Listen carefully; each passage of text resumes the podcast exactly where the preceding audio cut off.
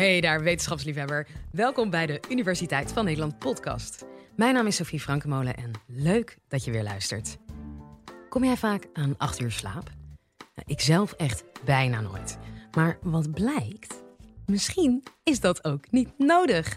In dit college legt slaapwetenschapper Marijn van der Laar van Universiteit Maastricht uit dat we ons met de kwaliteit van onze slaap zouden moeten bezighouden in plaats van met de kwantiteit.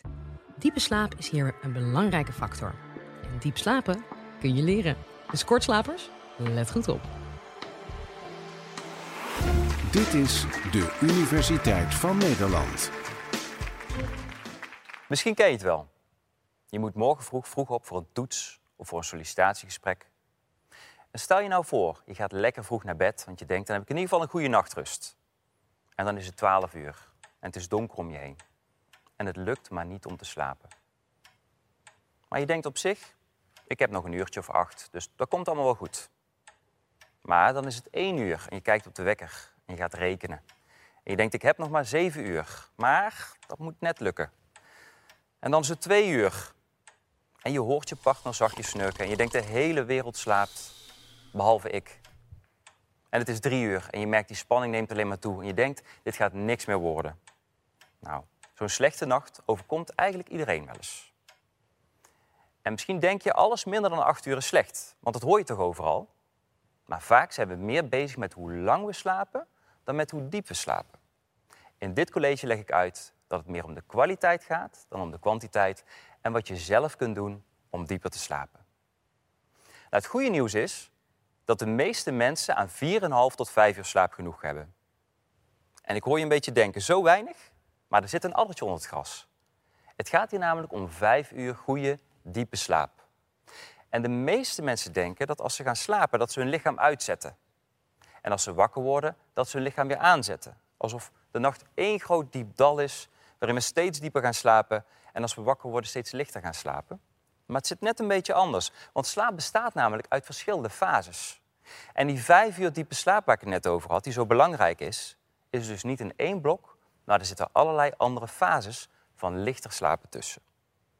Op de slaapgrafiek zie je dat mensen in het begin van de nacht de meeste diepe slaap hebben.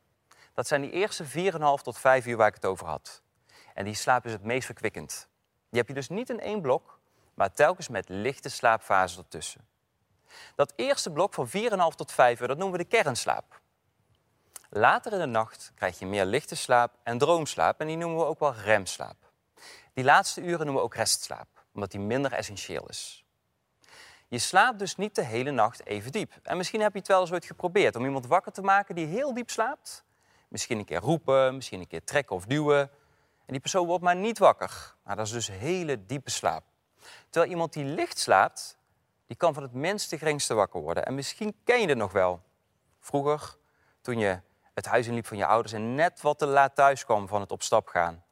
En je deed er alles aan om je ouders niet wakker te maken. En je liep die trap op en toch die ene kraak en je ouders waren wakker. Dus die kraak in de trap was al voldoende om je ouders te wekken, omdat ze zo licht sliepen. Wat is nou het belang van slaap? Nou, met name de diepe slaap is heel belangrijk, want daarin vinden hele belangrijke processen plaats. Bijvoorbeeld weefselherstel, spiergroei, maar het is ook belangrijk voor je geheugen. En te weinig diepe slaap zorgt ervoor dat het allemaal in het gedrang komt. En daarnaast word je echt slaperig als je te weinig diepe slaap hebt. Maar hoe zit het dan met die acht uur die je nodig hebt? Ja, dat ligt net een beetje anders. Want hoeveel slaap je nodig hebt, heeft te maken met hoeveel diepe slaap je hebt. Waarom heb je dan eigenlijk lichte slaap? Want dat klinkt eigenlijk als alleen maar verspilling.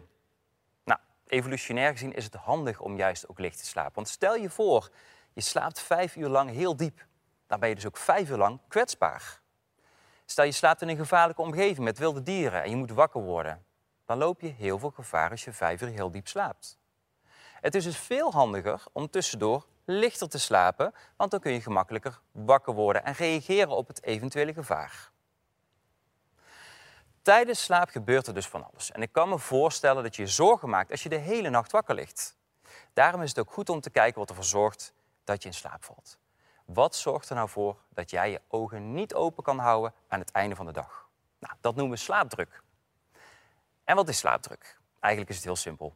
Slaapdruk heeft vooral te maken met de lengte die je uit bed bent. Hoe langer je uit bed bent, hoe hoger je slaapdruk.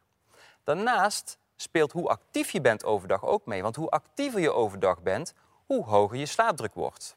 Nou, stel je voor, je bent de hele dag op pad geweest. Een stedentrip, je hebt musea bezocht. Je bent fysiek actief geweest, lekker lang gelopen. Je ligt laat in je bed in een hotelkamer en de meesten vallen dan als een blok in slaap. Dat komt omdat die slaapdruk dan op dat moment heel hoog is. En als je slaapdruk hoog genoeg is, is er zelfs weinig tegen in te brengen. En het kan soms lastig zijn. Misschien ken je deze situatie wel. Je rijdt terug van een feestje, jij bent de Bob en de vrienden achterin hebben een paar glaasjes op. En je merkt dat je je niet goed kan concentreren op de weg. En het wordt misschien een beetje moeilijk voor je om op die weg te blijven letten. En je merkt dat je een beetje begint te knikkenbollen. Misschien sluit je je ogen ook wel af en toe een beetje.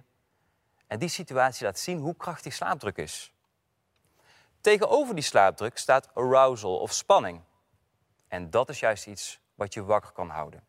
En je kunt het zien als een soort balans. In de loop van de dag gaat je slaapdruk steeds zwaarder wegen. Op een gegeven moment slaat die door en dan val je gemakkelijk in slaap.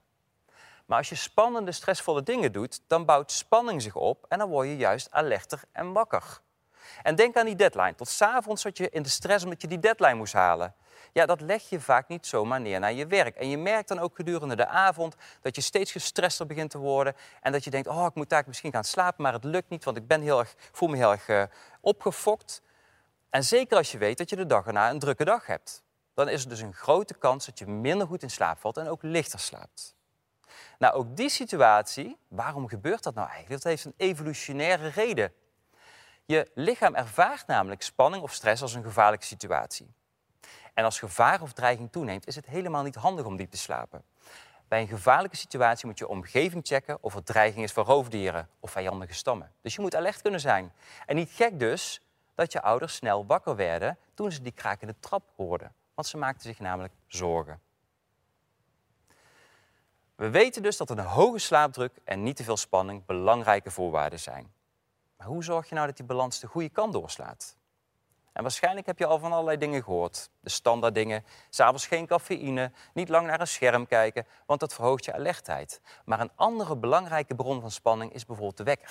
En die wekker die lijkt fijn, want je denkt, kan ik af en toe lekker op die wekker kijken, weet ik hoe laat het is, weet ik hoeveel uur ik nog heb. Maar het tegendeel is waar, want telkens weer op die wekker kijken verhoogt je spanning. Je gaat rekenen, je wordt alerter. En misschien krijg je wel een stressreactie als je de berekening gemaakt hebt. Het beste is dus om die wekker af te dekken of om hem om te draaien. Belangrijk om te onthouden is dat de nacht een spiegel van je dag is. En net vertelde ik dat je minder diep gaat slapen als je een stressvolle dag hebt gehad. Het helpt dus om voldoende pauzes te hebben overdag. Daardoor kun je ook tot rust komen. Liefst geen dutje. Vooral niet in de avond, want als je dutjes gaat doen, vermindert dat weer de slaapdruk. Wat wel ook enorm kan helpen is dat je veel beweegt, want veel bewegen ontspant.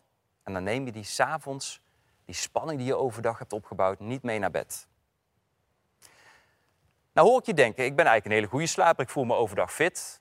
En uh, ja, ik heb eigenlijk niet zoveel problemen. Nou, als je een goede slaper bent en je bent overdag fit, zou ik niet te veel veranderen. Maar sommige mensen vinden het moeilijk om de slaapbalans de goede kant door te laten slaan. En in dat geval kan er slapeloosheid ontstaan. We bespreken van slapeloosheid als je drie of meer dagen in een week slecht slaapt. In combinatie met klachten overdag. Bij deze mensen moeten we drastischer ingrijpen, door middel van slaaprestrictie. En slaaprestrictie is al wat de naam aangeeft. Je hebt een kortere tijd om te kunnen slapen, dus we beperken hoe lang je in bed mag liggen. Op die manier verhoog je je slaapdruk en gaan mensen sneller dieper slapen. Hoe gaat het nou in zijn werk? Stel, je bent een slechte slaper die gemiddeld 6 uur per nacht slaapt en je slaapt vaak onderbroken, heel licht. Dan mag je vanaf nu niet langer dan 6 uur op bed liggen. Je gaat bijvoorbeeld om 12 uur naar bed en je zet om 6 uur de wekker en gaat er meteen uit, ongeacht hoe lang je wakker gelegen hebt. En dat klinkt misschien een beetje gek, want we willen toch meer slapen, maar we proberen met deze methode twee dingen te bereiken. Allereerst, je verhoogt je slaapdruk. Door langer uit bed te zijn, verhoog je je slaapdruk. En dat zorgt ervoor dat mensen beter inslapen. Als mensen beter inslapen, krijgen ze ook meer vertrouwen. Want mensen met slapeloosheid hebben vaak minder vertrouwen in hun lichaam. Of ze wel kunnen slapen, of er misschien iets kapot is. Maar door deze methode krijgen ze echt het vertrouwen in hun lichaam terug. Want als ze lang genoeg wakker zijn, is het onvermijdelijk. Je valt uiteindelijk in slaap. Als tweede gaan mensen ook dieper slapen. Ze gaan in een kortere periode die cruciale kernslaap pakken. Dat gebeurt niet meteen, maar na strak toepassen, vaak na een dag of 7 tot 10, begint het te werken. En na een aantal weken begin je je ook echt fitter te voelen, want je lijf moet namelijk ook even wennen aan het nieuwe ritme. Dus de slaap verbetert eerst en pas wat later ga je je fitter voelen. Opvallend is dat mensen vaak verrast zijn dat ze goed kunnen functioneren, ondanks die kortere bedtijden. Maar ze merken al snel dat je na zes uur goede diepe slaap veel beter kan functioneren dan na acht uur lichte slaap, waarin je vaak wakker wordt. Een kanttekening is wel dat de tijd die je over hebt gebruikt moet worden om te ontspannen. Ga dus niet van alles uit de kast halen op het moment dat je meer tijd hebt aan je dag. Ga niet aan je werk meer doen of andere dingen die juist stress geven. Maar lees een keer een boek, maak een lange wandeling en gebruik die tijd echt voor de ontspanning. Dus, waarom heb je helemaal geen acht uur slaap nodig? Ik hoop met dit college duidelijk te maken dat hoe dieper je slaapt, hoe beter je kwaliteit is. En dat de meeste mensen met minder dan acht uur prima functioneren, als ze maar voldoende diep slapen. Onthoud, de nacht is een spiegel van je dag. Denk aan je slaapbalans. Als jij ervoor zorgt dat je voldoende ontspanning hebt overdag, kun je je gemakkelijker overgeven aan slaapdruk. En ga je goede nachtrust tegemoet. En als laatste, heel belangrijk, probeer de fixatie op lang op bed liggen en acht uur slapen los te laten. Liever een korte, diepe slaap dan een lange, onrustige en lichte slaap. Het gaat dus niet om de tijd die je slaapt, maar om de kwaliteit. Je hoorde Marijn van der Laar. Ik hoop dat je het een boeiend college vond. En ken jij of ben jij nou ook een wetenschapper die je graag eens hier zou horen? Tip ons dan. Stuur een mail naar podcast.universiteitvannederland.nl En volgende keer hebben we het over het monster van Loch Ness. Tot dan!